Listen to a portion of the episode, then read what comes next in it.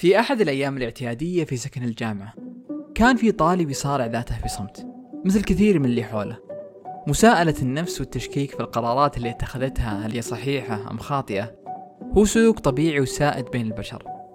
عدم وضوح الرؤية وضبابية المستقبل ممكن تكون أهم مشاكل الجيل الحالي. ومع وفرة الخيارات وتعدد المجالات ممكن يقع الشخص في حيرة. وش يختار؟ فالضغط هذا بدا بدأ يكثر علي بدا بدأ يكبر علي. عندي الجامعة والموقع والمجال الفني والمشاريع الثانية ما ودي أفوتها لانها فيها مبلغ مادي وفيها طعم الاحترافية وطعم خلينا نقول الحصاد. طعم الحصاد. الجملة اللي أختارها رائد لوصف شعوره اتجاه العمل في هوايته اللي يحبها. الأنيميشن أو تحريك الرسوميات. وبالتأكيد واجه رائد مصاعب كثيرة في طريقه لتحقيق هذا الهدف. صعوبة التخصص اللي درسه ابتعاد الناس من حوله عدم إيمان الأهل بموهبته. كل هذه الأسباب من الممكن أنها تصعب مهمة أي شخص. لكن رائد قرر المواجهة. اهتمامات الشباب اللي معي أخوياي وذولي آه، ابتعدوا عني كثير آه، وراحوا الأشياء ثانية هم يعني تجمعهم وأنا ما كنت أنا معهم. بحكم إني أنا عايش في قوقعتي الخاصة واهتماماتي الخاصة وفي صراعاتي الخاصة فهذا هذا يعني أحد الأسباب. وكانوا كثير من الأشخاص كثير يا حاتم بما فيهم مهند يقولوا لي يعني ليش ليش أنت قاعد تسوي زي كذا؟ آه، خلاص وقف ولا خلها بعدين. المفروض إنك تركز على مجال واحد خصوصا بحكم انه صعوبة الموقع اللي أنت فيه أو الموقف اللي أنت فيه. والأهل والإخوان كل ابوهم يعني. أغلبهم ما حد يقول ميدي عن طريقك أسلوبك هذا صحيح؟ ولا حد يقدر يقول okay اسحب على الهندسة وروح ذا خصوصا أهلي. أنا محمد القحطاني وهذه حلقة خاصة من علم الحير في هذا النوع من الحلقات راح نستعرض معاكم قصص ملهمة لأشخاص صارعوا من أجل البحث عن ذواتهم وممارسة ما يحبون. يتكلمون فيها عن التجارب اللي خاضوها في الانتقال من المجال الهندسي إلى شغفهم أو العكس. قصتنا اليوم عن رائد اشكره المهندس الفنان.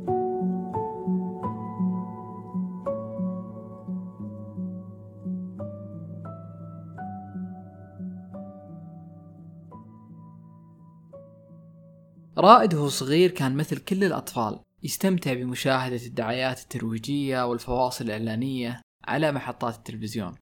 وزي ما نذكر زمان دعاية زيت العافية.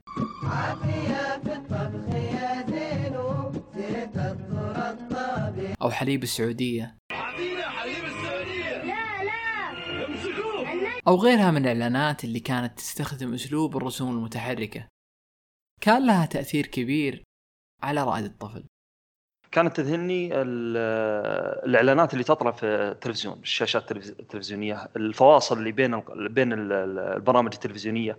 آه، تذهلني جمالها يذهلني مدى الجودة والإتقان فيها يذهلني الإبداع الصوتي حتى فيها يعني أستمتع حتى بالاستماع لها. فكنت كذا زي اللي زي النغزة داخلي داخلي قلت لازم أسوي شيء زي كذا ولو شيء قريب منه وفي عام 2006 طاح بيدين رائد سي دي كان يحتوي على برنامج تحرير فيديوهات متواضع. هذا البرنامج كان حقل تجاربه الأول. يلعب فيه ويحرر الفيديوهات بشكل بسيط. كان في اسطوانة اسمها اسطوانة القعقاع تجمع لك آه، زي البرامج في سي دي. آه، جميلة جدا اسطوانة جدا خرافية. طبعا فيها معلومات وفيها ثقافات فيها أشياء كثيرة غير البرامج. فكان من ضمن البرامج برنامج اسمه Ulead اللي يسمونه عندنا إحنا العرب الوليد. فكان اسمه Ulead. كان هذا مرة basic video editor مرة basic ما في أي شيء غير إنك تقصقص وتضيف transitions وانتقالات.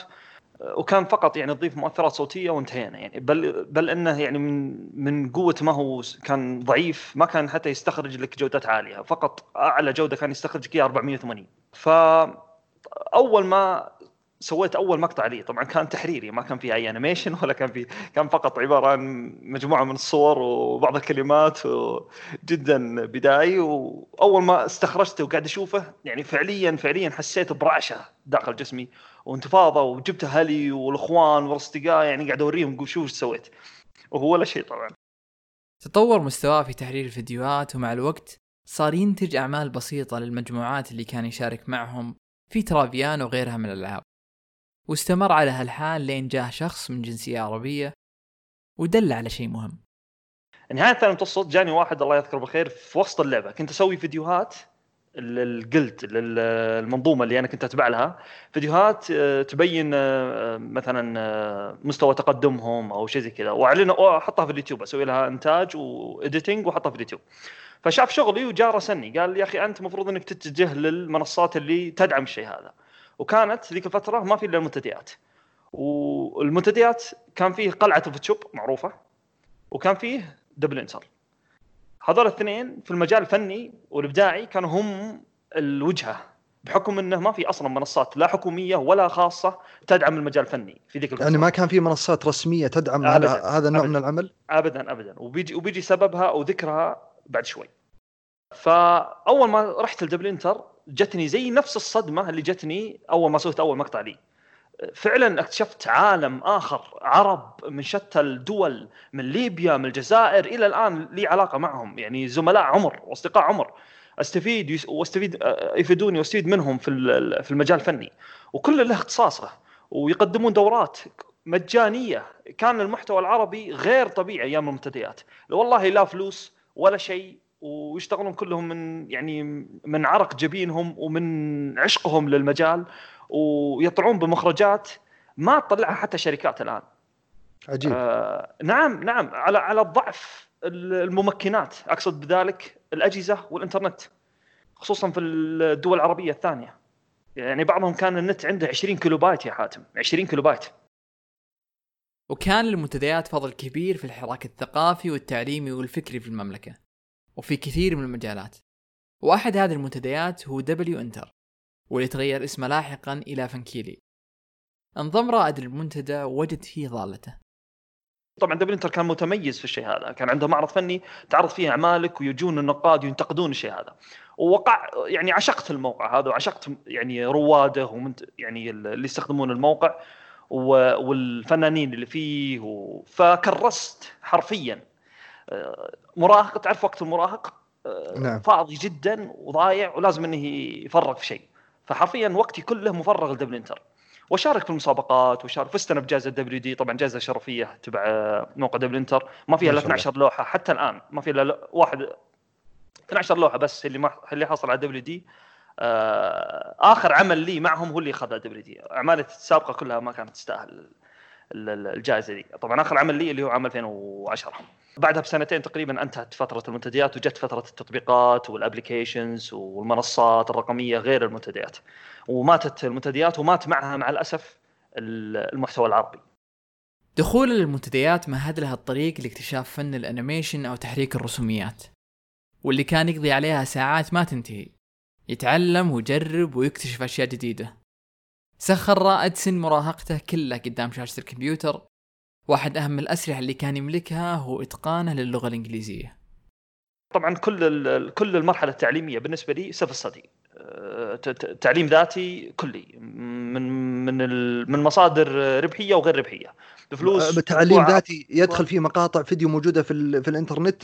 يعني نعم. أنت أنت في خلال هالفتره هذه كلها تتعلم من نفسك. ما في مشرف أو مدرب يتابعك؟ لا, لا ابدا. ابدا طبعا ساعدني بعد الله. مساعدة كبيرة جدا المحصول آه، اللغوي اللي كان عندي. آه، لأنه من تقريبا من ابتدائي وأنا أعشق اللغة الإنجليزية واحب أتعلمها و... فما واجهت بالنسبة لي اللغة الإنجليزية ولا ولا أدنى مشكلة. فحتى المصادر الغربية كانت بالنسبة لي متاحة. رغم قلة الممكنات في ذاك الوقت إلا أن مرتادي المواقع كانوا يقدمون الكثير من الدروس والدورات المجانية.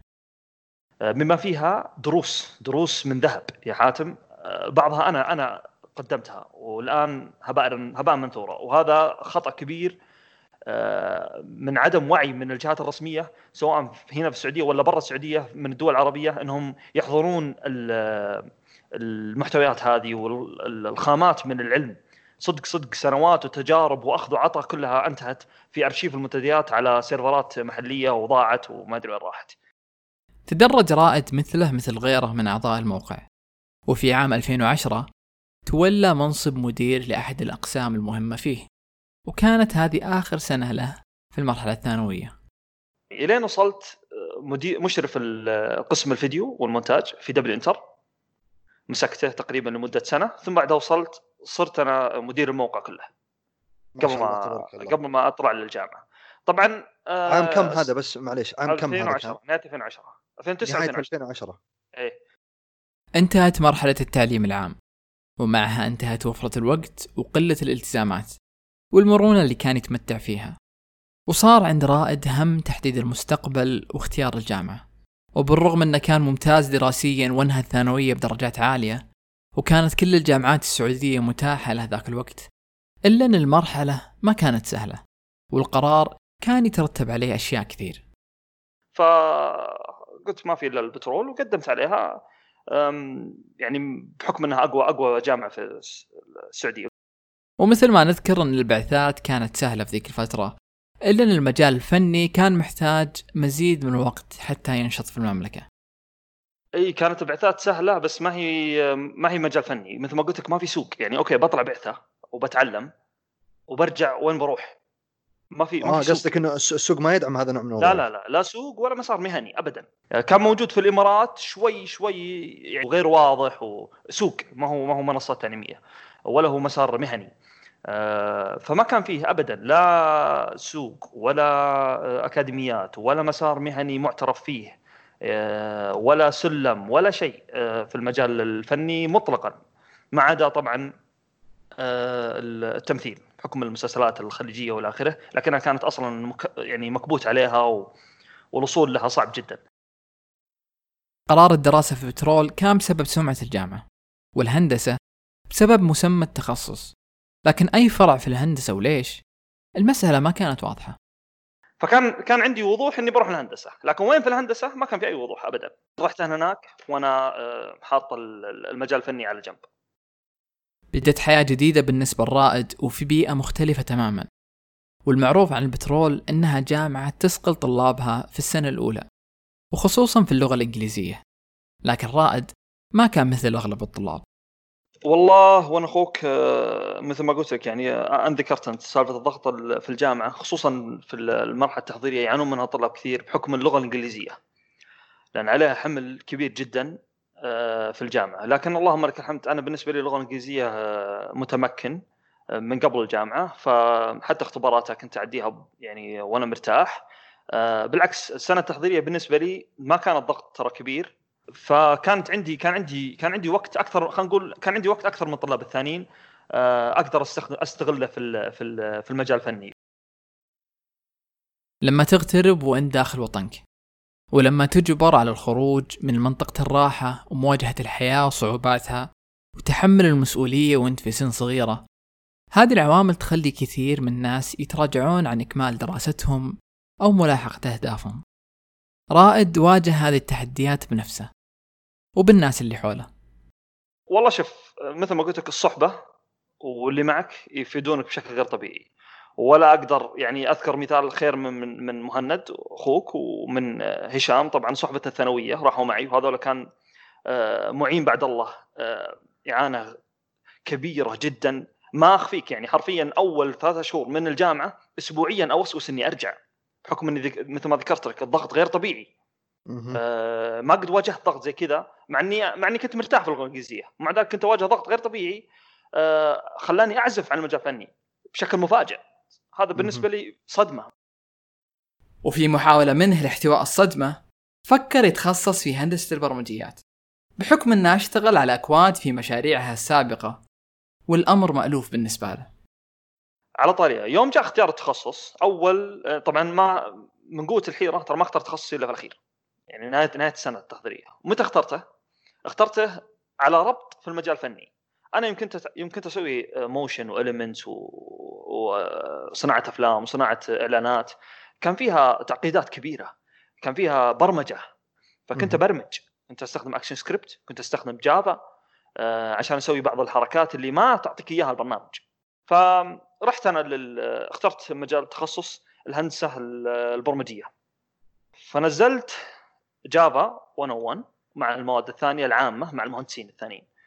كل الهندسة ينزلون مواد عامة لكن أنا الوحيد اللي نزلت المادة هذه عشان أذوق التخصص بحكم انه يعني كنت متردد وما زال القلق فيني إن هل التخصص ده يناسب وأنا شو بسوي؟ هل أرجع مجال فني ولا أروح هندسة ولا إلى آخره. فنزلت جافا 1 وأبشرك الحمد لله جبت فيها درجات عالية لكن اكتشفت شيء. في نهاية الترم اكتشفت إن البرمجة مثل المجال الفني. معناها لابد إنك إيش؟ تهواها ولا بتغرق. حرفيا كل سنة كل سنتين تطلع تطلع برمجة جديدة. تطلع تقنيات جديدة. حرفيا كل سنة كل سنتين. شلون شلون بتلحق؟ آه وتقنيات جديدة ومنصات جديدة. لابد إنك تكون ملم فيها. على الأقل إذا أنت ما أنت تعرف تستخدمها أو تستخدمها بشكل احترافي لابد إنك تكون تكون ملم فيها. فكان آه الهم هذا أصابني بحزن كبير. يعني اكتشفت إنه ما هو هذا المجال اللي نبيه بلعب على نفسي لو استمريت في المجال هذا.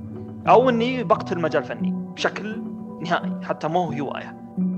أخذ القرار الصعب بأنه ينسحب من دراسة هندسة البرمجيات بعد ترم كامل.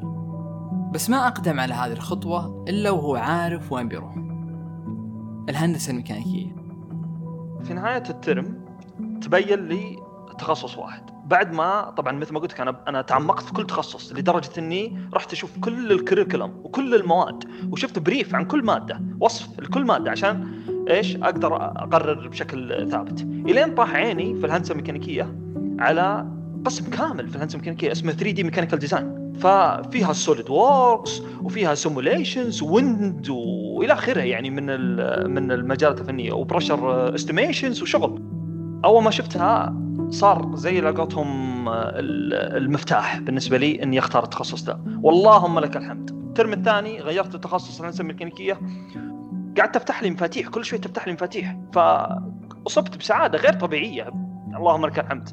آه، في في المجال في الهندسة الميكانيكية. والحمد لله آه، استمريت في التخصص ذا على يعني على ثلج مرة. بدأ رائد مرحلة الاحتراف بعد ما تخصص في الهندسة الميكانيكية وترتبت أموره. وكانت المحطة الجديدة اللي توقف عندها هي منصة Upwork الشهيرة. Upwork تجمع كم كبير من ال freelancers المحترفين ورائد كان واحد منهم. آه الآن Upwork آه اللي هو كان oDesk سابقا منصة لل freelancers عالمية. تخدم الفنانين على يعني من شتى العالم كمصطلح ال freelancers اللي هو العمل الحر آه عن بعد. فكانت المنصة هذه من قوة ما هي أصلا آه، صارمة ومعقدة جلست ست شهور ست شهور عشان يدفع على حسابي. بدأ بدأ اسمي يطلع بدا بدأ أول عمل احترافي تذوقته بشكل عالمي على المنصة هذه على يد المنصة هذه. ومثل ما قلنا إن المنصة فيها عمل احترافي كم كان يحتاج وقت عشان ينتج دقيقة واحدة بس؟ سبع شهور أحيانا تسع شهور في الأفلام في الغالب في الأفلام. طيب آه، كم كانت كانت تاخذ منك وقت أصلا الفريلانسنج هذه؟ كثير يا حاتم كثير. الدقيقة الواحدة تاخذ مني عشان أستخرجها أيام الجامعة تاخذ مني شهر شهرين تخيل. الدقيقة الواحدة تاخذ منك شهر؟ نعم نعم.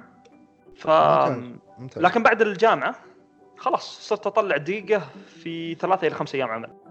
واحد المشاكل اللي واجهها رائد هي صعوبة تحويل الأموال. كانت طرق الإيداع من الخارج صعبة في ذيك الفترة.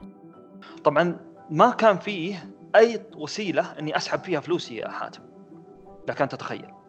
كيف كيف تسحب فلوسك؟ ما في يعني فلوسك اللي موجودة على الموقع ما يمديك تستلمها. خصوصا ذيك الفترة ما فيه. باي كان غير مدعوم. والفيزا آه، غير مسهلة زي ما هي الآن. آه، فكانت يعني آه، لها رسوم ومعقدة وبعضها ربحية وبعضها محرم تخبر ذيك الفترة. آه لازم إنك ما لك إلا فيزا تسوق حق راجح فيزا تسوق بس تحط فيها ما يمديك لا تسحب ولا تسوي شيء. ومن التحديات اللي واجهها رائد هو تحدي يواجهنا كلنا. تأجيل الأعمال وتراكمها وضيق الجدول بسبب الدراسة. وغيرها من العوامل اللي تساعد في تراكم المهام. مسألة أه. إجابة على سؤالك مسألة التوافق بين الهندسة وبين التخصص الفني أه ما أخفيك؟ أه, أتوقع أنه تحدي أفشل وأنجح فيه بشكل أسبوعي. مرة أوافق مرة أو مرة أوفق مرة ما أوفق مرة أوفق مرة ما أوفق على حسب الضغط إذا كان عندي مشروع إذا ما عندي مشروع إذا بتعلم شيء جديد إذا أنا مالي نفس أصلا للمجال الفني يعني وأصير أنصب على على المجال الهندسي. فكانت صراع مستمر.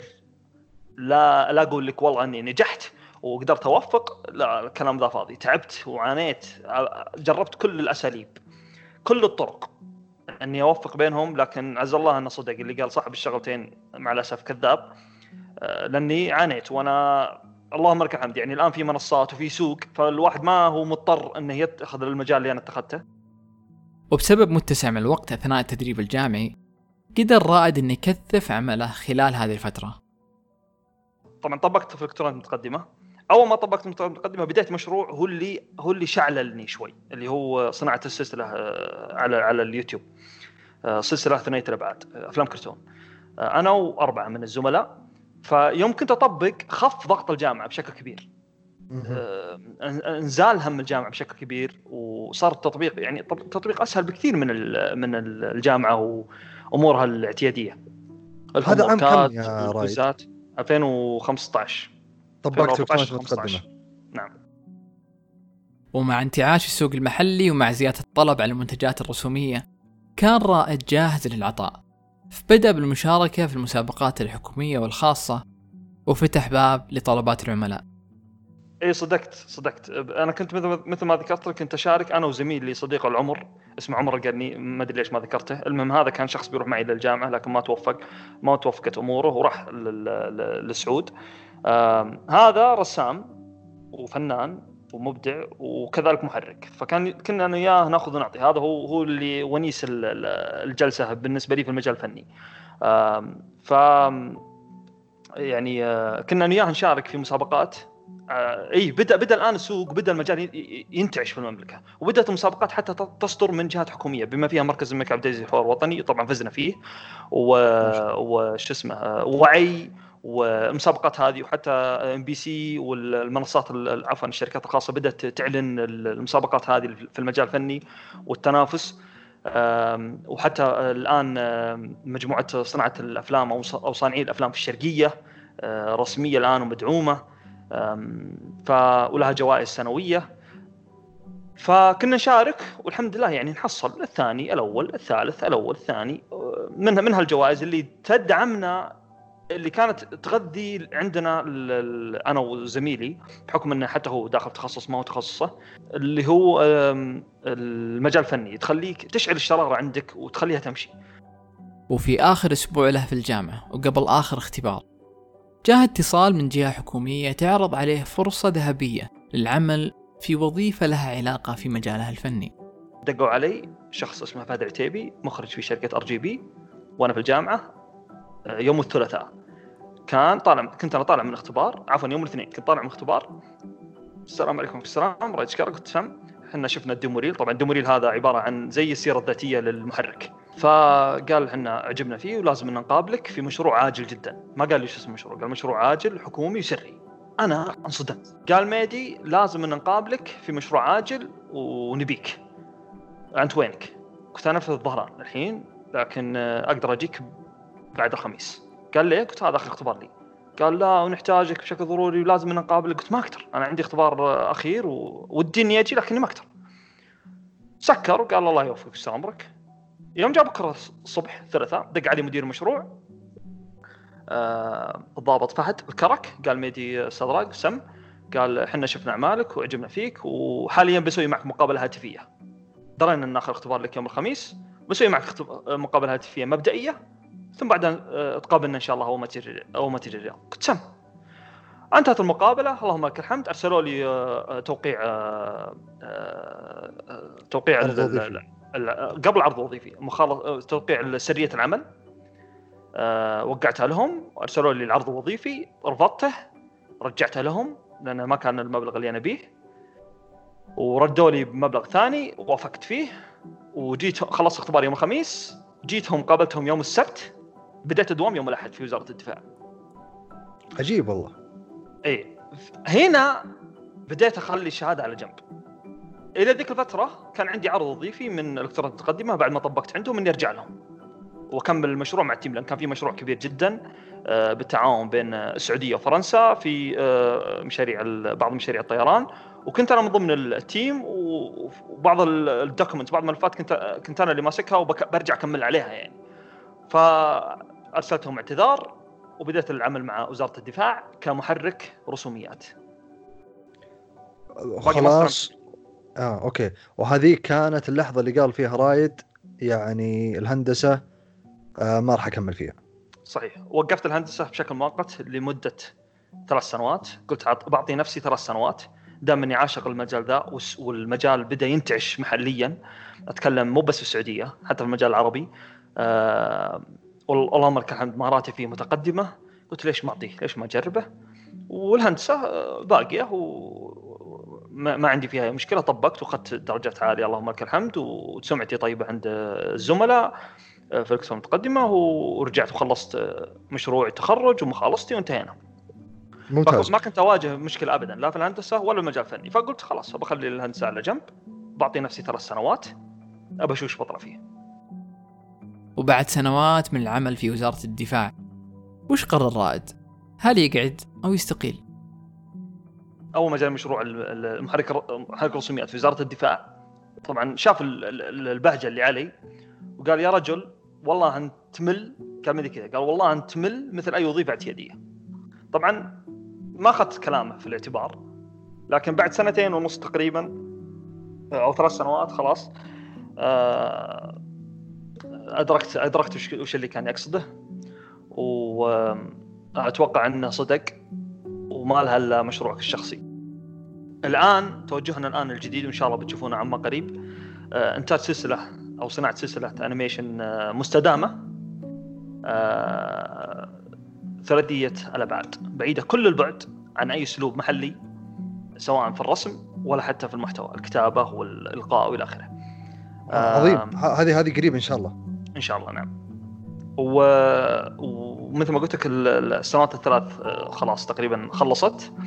وبالنسبة لي المسارين الآن خيارين. يا يعني اني أنتقل للسلسلة اللي هو البزنس أو المشروع الخاص.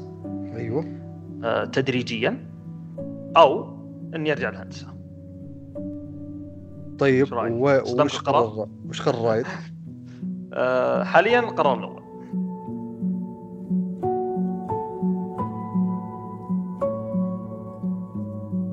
القرار الأول. وفي الحقيقة هو كان دايم قراره الأول. من يوم كان طفل وهذا هو طموحه وشغفه. بس وش يجبر الشخص إنه ينفق جزء من شبابه وطاقته في دراسة شيء ما يرغب فيه؟ وش يجبر الإنسان على إنه يغترب عن أهله وفي سن صغيرة ومو عشان شيء يحبه ويتشوق له؟ وش يجبره غير الخوف؟ الخوف من المستقبل وحرصه على نفسه إنه ما يضيعها. دراسته للهندسة كانت أشبه بالتأمين اللي ياخذ الشخص. تحسبا لأي حدث ممكن يصير له. في بداياته ما كان عنده أحد يوجهه في هذا المجال. ما كان في سوق ولا معاهد ولا أشخاص يدلونه. راد أخذ الطريق الصعب لأنه كان هو طريقه الوحيد. قصتنا اليوم هي عن صراع يمر فيه كثير من الناس. ولكن كم واحد فينا مستعد إنه ينتظر فرصته ولو بعد عشر سنين. حرر هذه الحلقة من علم الحيل أنا محمد القحطاني وحاتم خليوي. وساعد في تحريرها فيصل العتيبي وأشرف عليها خالد العسيمي وإبراهيم سلامة ولا تنسون تزورون موقعنا علم الحيل دوت كوم وتتابعونا على منصات التواصل الاجتماعي آت علم الحيل. في أمان الله.